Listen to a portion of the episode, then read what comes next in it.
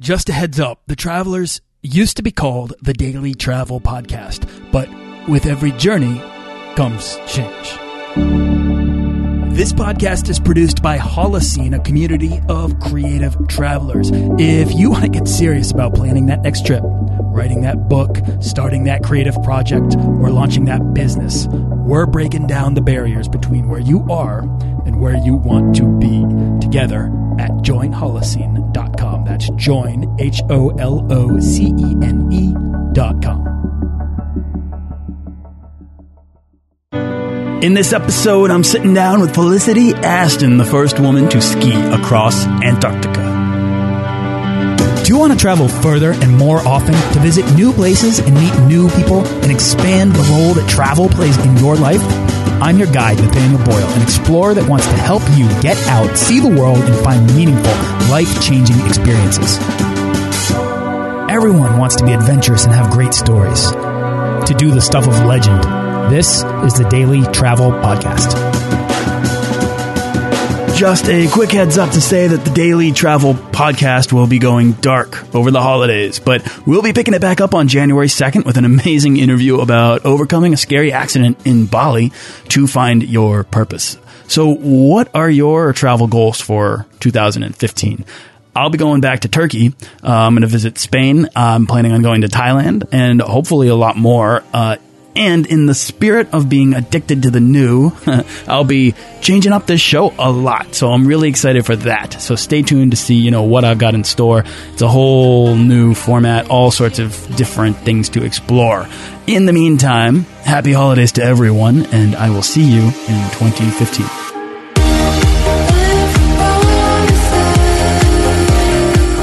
Today's guest is a freelance travel writer, speaker, meteorologist, and polar expeditionist. And at just 23 years of age, Felicity Aston left the UK to spend three years living and working in the Antarctic as a meteorologist with the British Antarctic Survey, familiarizing herself with the conditions down there. And while there, she was part of the first all female team to complete the Polar Challenge, which is a 360 mile endurance race across the Canadian Arctic. A year later, she led uh, the first British women's crossing of the Greenland ice sheet. Uh, since then, she's gone on to lead numerous expeditions, including the Kaspersky Kaspersky Lab Commonwealth Antarctic Expedition, which is the largest and most international women's expedition ever to ski to the South Pole. And in 2012, she became the first woman in the world to ski across Antarctica alone which is astounding. Um, and so I'm absolutely delighted to have Felicity Aston on the show. Felicity, thank you so much for coming on the show today. Oh, it's my pleasure. Oh, I'm thrilled. So I shared, actually, I shared quite a lot about you already, but let's simplify. Take us back to where you're from and where did this love of such extreme activity come from? Yeah, well, I get asked that a lot. I'm from uh, the southeast of England, and you know we don't have particularly cold winters here, and so I wonder if maybe that is the seed that from which all of this came. Because um, you know, for me, when I was a kid, if it snowed, that was a major event, and it was really exciting. We got a day off school, we got to go sledging. You know, it was the the the whole world around me completely changed, and so I wonder if there was some kind of connection made right back then between snow and ice and winter and excitement and adventure. And I've just carried on with that ever since. I don't know. It's one theory. that desire for something new, something different, and the adventure that comes from that. Yeah, and but the other part of it is that I think I'm just a naturally curious person, and a lot of these trips and adventures that I've had, they've been born out of curiosity more than anything else. You know, what does it feel like to be out there or looking at a map and thinking, you know, what is it right at that fringe? Who lives there? What does it look like out there? Um, so I've always been drawn to the, to the places that are on the fringes. So where has that curiosity led you now before this, now before you were 23 and you left the UK to, to, to live in Antarctica, which I think in and of itself is fascinating. Um, how much travel had you done up until that point? Uh, well, you know, I'd been um, I'd been interrailing around Europe as a teenager, and uh, you know, as a student, I'd taken part in various student expeditions. So I'd done uh, a little bit of traveling, but but nothing too huge. And uh, so I think really what set me off in terms of the polar expeditions was really that first job. So I was a you know brand new shiny graduate straight out of university, looking for my first job.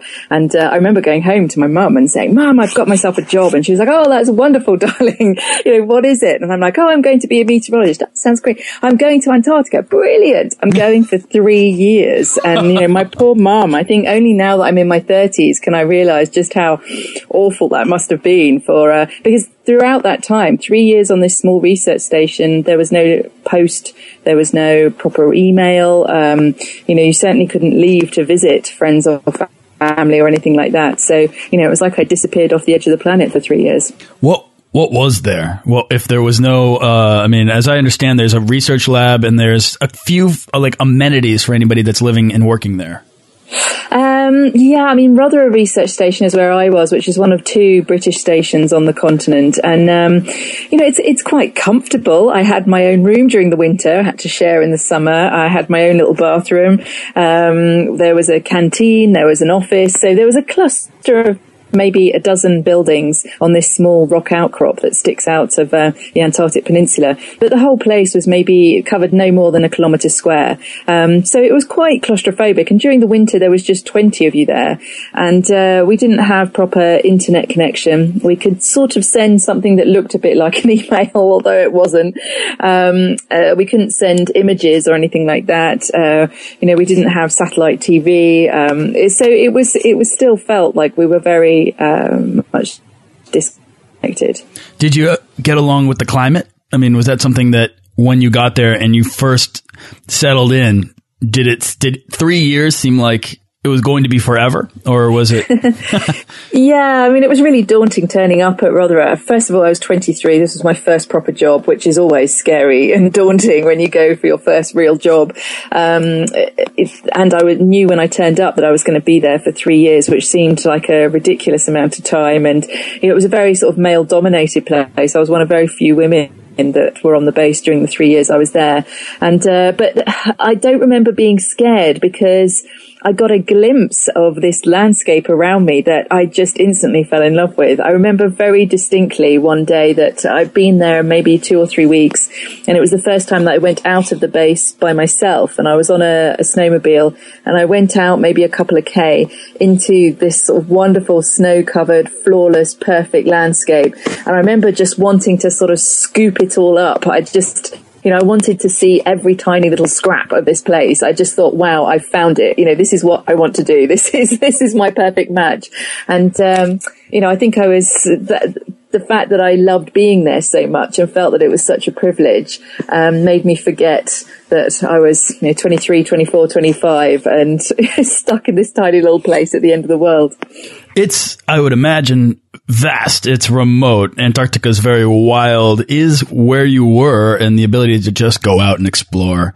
Is it safe? Is it something that you kind of found uh, uh, peace just exploring?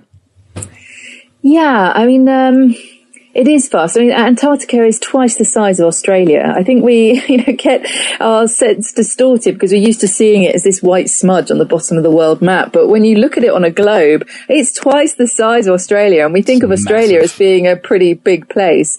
And yet there's no one there. I mean, the total population of Antarctica, even in the summer when all the scientists are there, is maybe, you know, six or seven thousand. Um, you know, there really is nobody there on a continent twice the size of Australia. It's crazy. So it's vast and it's ancient and you really get a sense when you're there that there is no human history in this place. You know, we're absolute newcomers and, uh, you come face to face with the scale of nature on our own planet, never mind, you know, everything else beyond. You know, when you see these huge ice cliffs carving and when you see the, the sea freezing and then all that sea ice just being blown out overnight by a, a big storm, um, you know, and the katabatic winds, they're drawn by gravity and they just last for days and they're so strong you can't stand up. And you just realize how frail and feeble we humans are really, um, compared with everything else. But it was amazing to have the opportunity to explore that. You know, based on what you just said, and I mean this next question in the most inquisitive sense, but what does living and working in, in Antarctica for years do to a person? You know what I mean? Like, and,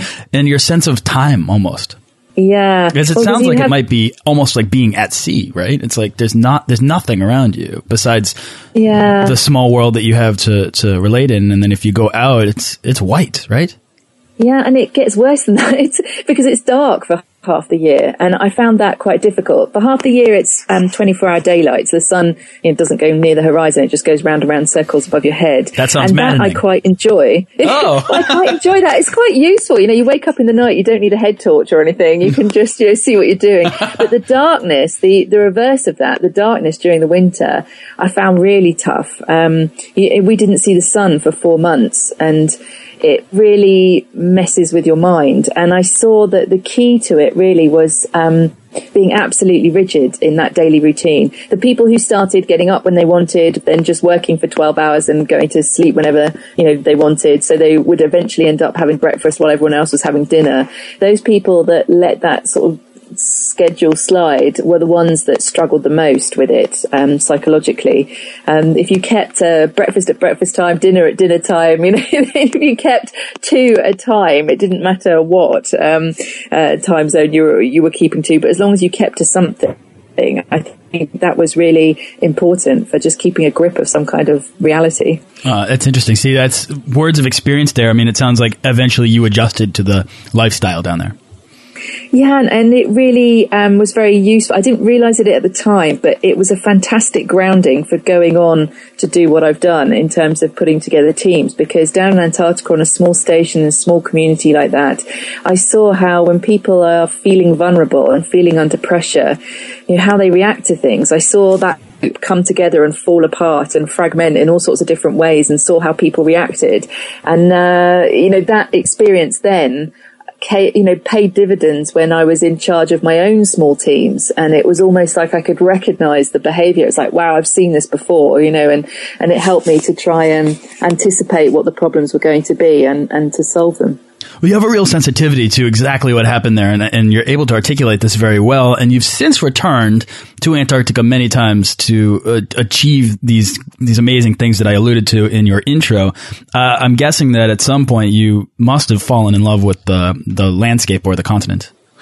Yes, and I still very much am. And, you know, it's always a privilege to go to Antarctica because you, it's not a place you can just buy a ticket and go to. Right. you have yeah. to, you have to have a reason to be there. And, uh, and so I feel very lucky that I've had those reasons to go. And, you know, I've seen Antarctica from lots of different perspectives now. I've been there as a scientist. I've been there as an expeditioner. I've been there as logistics staff. I've, and you've seen quite a lot of different parts of the continent. And there's just always uh, this ability of the landscape to smack you between the eyes and you just go wow.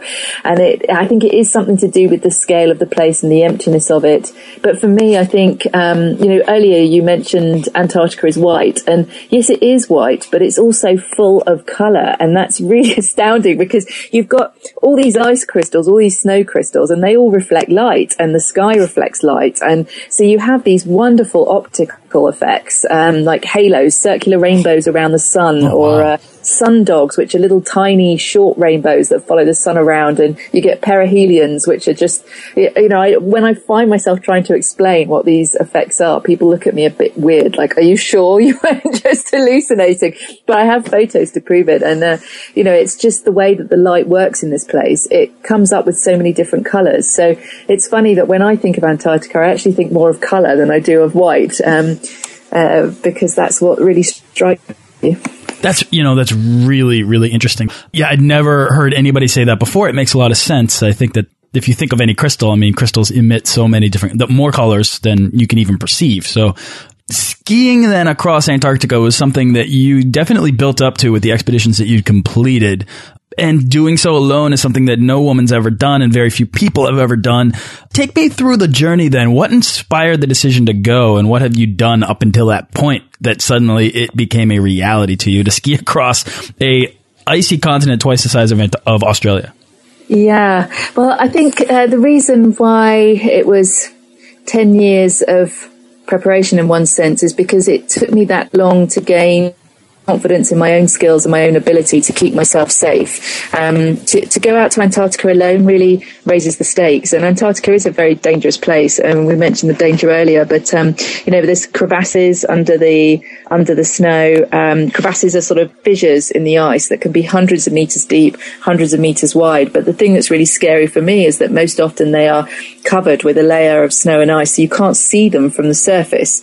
So uh, the whole time you're in Antarctica, you're effectively walking over over a minefield. You know, any moment there might be a crevasse right there. You can try and guess where they're more likely to be, but they can be anywhere. So you just don't know where they are. Was there any um, way to test that before, you know, taking that step or, or pushing forward on a ski or something? Yeah, I mean that's one of the reasons why you really don't take your skis off um, because the, your skis spread out your your downward pressure so that you know it reduces um, the pressure on the surface um, much more than a, a footfall. Um, but being on my my own own, I was very aware of the fact that, you know, there was no one to see if I fell down into something. There was, and, and to raise the alarm. Um, there was no one to tie myself to. And so it just sort of made my anxiety about crevasses even heightened, uh, really. But I was also worried about the cold. I mean, I've seen a lot of people start to fall into hypothermia and, the one thing that I've noticed is that it's never they themselves that realize they're getting into trouble. It's always someone else who realizes that they're not speaking very much or they're behaving oddly or they're wearing a jacket they don't usually wear. And I, you know, I've seen people that have started to slip into hypothermia and they feel really hot and they want to take their clothes off, although their survival depends on doing exactly the opposite. And so I was really worried about being on my own, about who would notice, you know, how, how would I know if I myself was starting to get into those sorts of problems because there would be no one around me to notice that my behavior was different. And that really scared me. You know, when you can't rely on your own brain, that, that's quite frightening, I think. Um, and then there was just the, the sheer distance of it. Um, you know, I started on the opposite coast of Antarctica to most of the logistical hubs. Uh, so to get me to my start point took two planes and took about a week of logistical planning to get the fuel in the right place so that those two planes could get me to my start point. So once those planes left me, I knew that if they needed to come back to get me, it would be another week of planning, another two fuel dumps, another two planes, and everything that that entailed. Oh, wow. Um, so I, I knew just how far away I was from from any kind of assistance. So there's a lot of pressure to do it, to get it done, to do it right. Were you in contact with people at all, like radio contact? Um, I had a satellite phone with me, which um, in theory meant that I could ring anybody in the world anytime I wanted to, but um, I chose not to. And I think that's really interesting from a psychological point of view. Um, I felt so overwhelmed by um, the mental side of being so alone and so isolated that I just felt that to call somebody, you know, to effectively have my friend or my loved one in that tent with me and then at some point having to press the disconnect button and send them back thousands and thousands of miles. Oh, that would just make me feel more alone than ever. So um, the only phone calls I ever made were once a day. I had to ring the logistical hub to let them know that I was okay and my position. The theory being that if they didn't hear from me in any 24 hour period, then they would um, go to my last known position to start looking for me. let me step let me step back, Felicity, and ask you though, uh, what exactly inspired the decision to take on this challenge alone? Like, what was it about? Your background and your experiences so far in Antarctica that led you to this point to say, you know what, no one's ever done this. I'm going to go for it. Yeah, I think um, you know I'd been to Antarctica at that point, lots of different ways. I'd led teams on skis. I'd um, been working with teams in vehicles and uh, you know all sorts of different ways and this idea i can't remember it was in my head so long i can't remember exactly where it came from but this little idea started bubbling away in the back of my mind you know what would it feel like to be out there by myself. And, um, you know, I'd read about people going on solo expeditions before. And I'm one of these people that if I read about someone doing something, instantly I'm asking myself, would I have done the same or would I have made different decisions or reacted in a different way? And so I think this was a sort of extreme form of that. I, I, I just thought, you know, what would it feel like to be out there on my my own and would I be up to it? Would I be able to cope with that? Um, and at the time when I started putting together the expedition, there were only two other people that had uh, skied alone across Antarctica. Both of them were men and both of them were Norwegian, which if you know how good the Norwegians are at this at polar expedition stuff, you'll know that neither of those facts seem to bode very well for my chances of success, really. did you think you could do it? I mean, what did you perceive your limitations to be before you left? Um, yeah, I mean, I, I guess I must have felt very confident I could do it because I'm very passionate about not going out just to get myself into trouble because that then means that somebody else has to risk their life to come and get you. And, mm. you know, that's not what I'm about. So I was confident I could do it. I was confident in my preparation. Um, but the first few seconds of my expedition, I just realised how totally ill prepared I was for the isolation, the pure aloneness of it. It was, you know, completely crushing um, as I watched that plane fly away and become a tiny little black blob in the sky. And it disappeared. I just, I had this most it was like my heart had stopped and my stomach had fallen on the floor. I, I, just didn't know even where to begin with trying to wrestle with all the emotions that that were bubbling around in my head. Um, and it, I almost felt like I was having some kind of seizure. it, it, physically, uh, my hands were physically shaking. I was short of breath, and uh, you know, I just didn't know how on earth I was ever going to be able to manage this huge sense of fear. How did you then? I'm I'm so curious because it sounds like you have no choice but to take that first step. Yeah. And, you know, I'm really not sure I ever did come to terms with, you know, that shock and that fear. But, um, you know, the whole time it was just different degrees of scared. so it was never, oh no, I'm completely not scared now. I was always scared. It was just that sometimes I was more scared than at other times. And, um, it was a constant battle to kind of keep that under control. And it's very interesting that when you're not surrounded by other people, you allow yourself to be so much more emotional and expressive than you ever are in normal life. Um, you know, when I lead teams, I might feel scared or I might feel upset or I might feel angry, but I won't, you know, have outward expression of that. But on my own, if I was angry, I'd be screaming and shouting and throwing ski poles around. And if I was upset, I would bawl my eyes out. And, um, you know, if I felt scared, I would cry. And uh, it was very interesting the way that I became so much more emotional just because there was there wasn't that social constraint um, by having other people there. Sure. I mean, it sounds more freeing. It's almost as if you know you're alone, whether that's in the shower or on top of a mountain and you're singing. You can sing almost without reservation. Whereas if you're walking down the street, you're probably just doing nothing more than humming, right? But you get that, um, that sense of hearing your emotion better. You get that sense of hearing your own expression, um, and getting in touch with yourself a little bit more when you're completely alone uh, without inhibition. Yeah, but it wasn't a, an incredibly positive experience because oh, um, it made it very difficult. Uh, you know, there was no kind of self. It made self discipline very difficult. So, for example, um, in the mornings when I had to get out of the tent, I would allow myself to be very emotional about that. I would be thinking about how awful it felt to be on my skis plowing into that headwind. It's a bit like, for example, if you're about to go for a run in the morning and you wake up before work and it's, you know, really cold and wet and horrible outside and it's still dark. When, as you're putting your trainers on to go for that run, if you allow yourself to have an emotional response, if you allow yourself to think, oh, I, I can imagine how cold and wet and horrible I'm going to feel out there, then you probably will never get out the door. But if you just, you know, automatically go through a routine, trainers on, you're out the door and you haven't allowed yourself to think about it or have an emotional response to it, then before you know it, you're out the door and you're already running and there's nothing you can do about it. Interesting. And, so, and it was a similar process I went through in Antarctica. If in that tent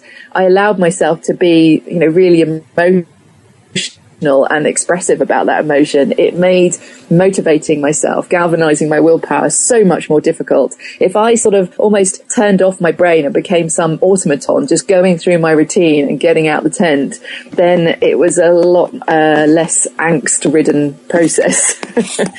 Sometimes I've found that anger is a tool that you can use to power your way through the things that you actually hate doing, um, the chores or the, the cleaning. I don't know. It's the little things sometimes. It's just like, oh, I hate doing this, and you do it. You kind of angrily get it done, but it's done, and the anger in a way uh, motivated that. Did that uh, did did emotions in that way ever help sort of power you through?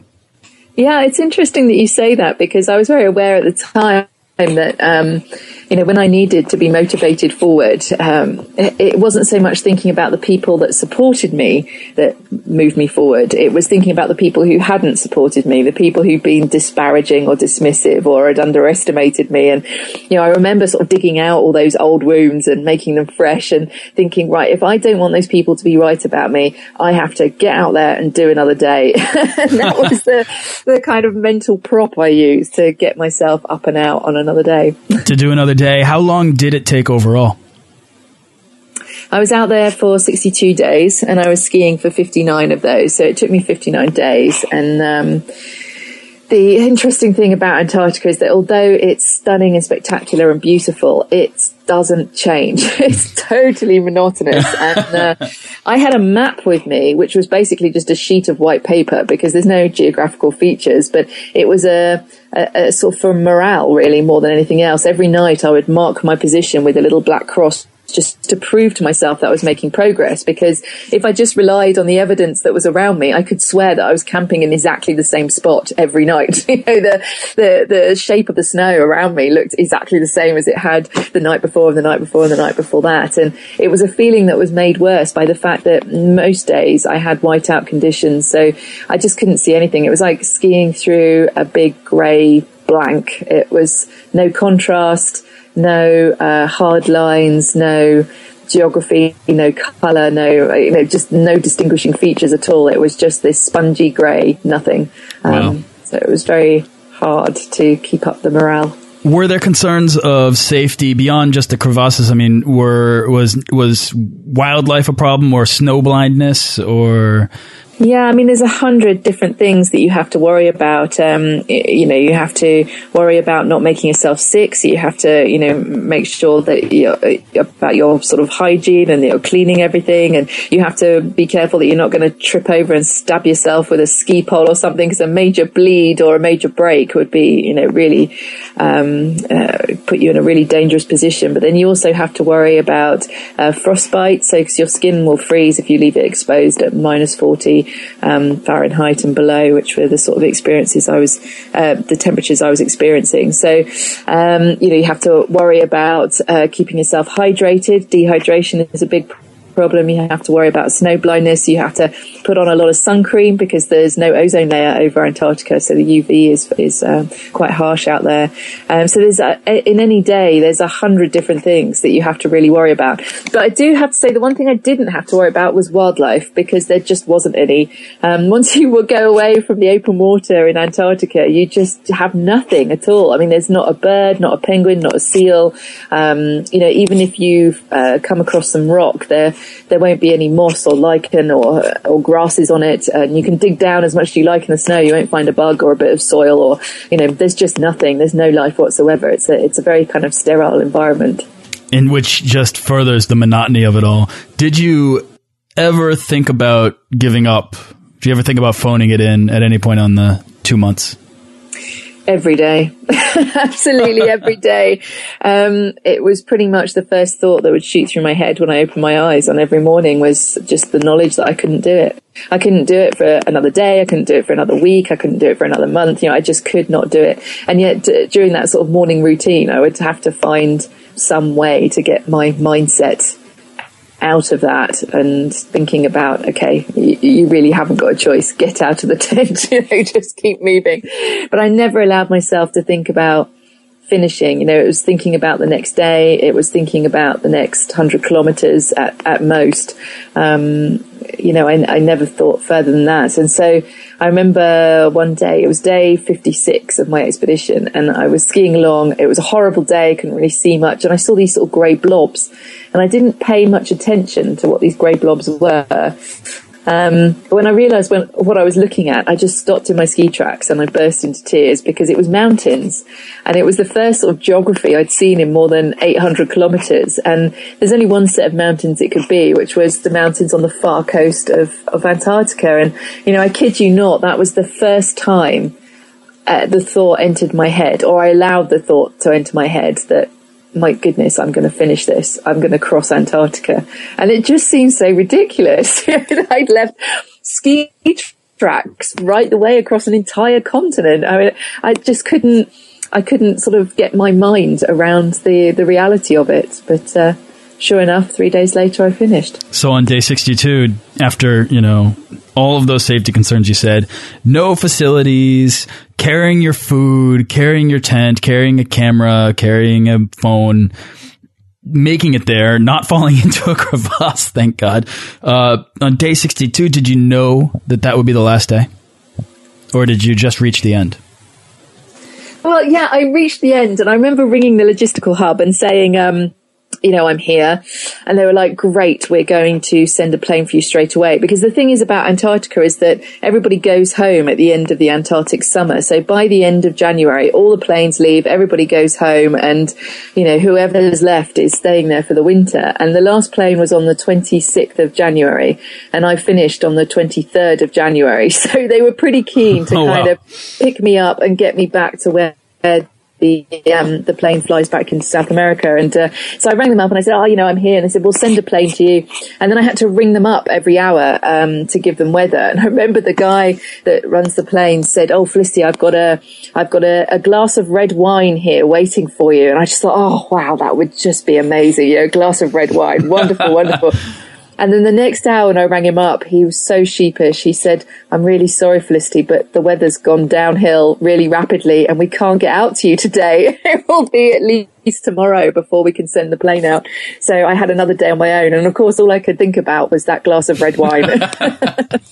you know, Felicity, I love this. And I, have seen uh, the video that you took when you reached the end of yourself just commenting on it. And you were more or less speechless that you'd done it. Um, you'd skied across Antarctica and, and didn't know what to make of it. You called it, in your words, silly. And this is a question I'm asking from talking to a handful of like remarkable world record holding adventurers like yourself. Why do you think adventurers sort of downplay their accomplishments? I mean, to, to say it's silly is, is, is, it's such an understatement. It's, it's almost hilarious. Um, I used to assume it was so that their message could resonate across like a wider audience. The idea that adventure is relative and for everyone. And that is true, of course. But I'm wondering if there's something, if there's something more here, if it could be because you never quite fully understand how to process the massive scope of an achievement so large. I think when something is so self-evident evident to you, it's really hard to describe it. You know, this question, why do you do it? Um, you know, you might as well ask why, why do I like chocolate or why do I prefer the color red or, you know, why do I watch uh, football rather than hockey or, you know, it's why do you like something? Why do you enjoy something? And, um, I think perhaps the reason why, uh, people like me downplay it is because we know that we're nothing particularly special. you know, we're not superhuman. Um, and uh, you know we're just us. I, I certainly I I'm just me, and um, you know I feel very fortunate to be given the opportunity to do the things that I've done, and you know, but uh, I feel proud of things that I've done. But I don't think that I've got any necessarily superhuman powers that have uh, that have made me do it. And um, quite often when I'm talking to other people, I can see that they're sort of probing me for answers. You know, they they want answers about their own life or their own characters and you know, I can't, I can't give that to them because I, I don't, you know, I'm not inside their own head. I don't know how they tick. I can only tell them how I tick, and we're not the same.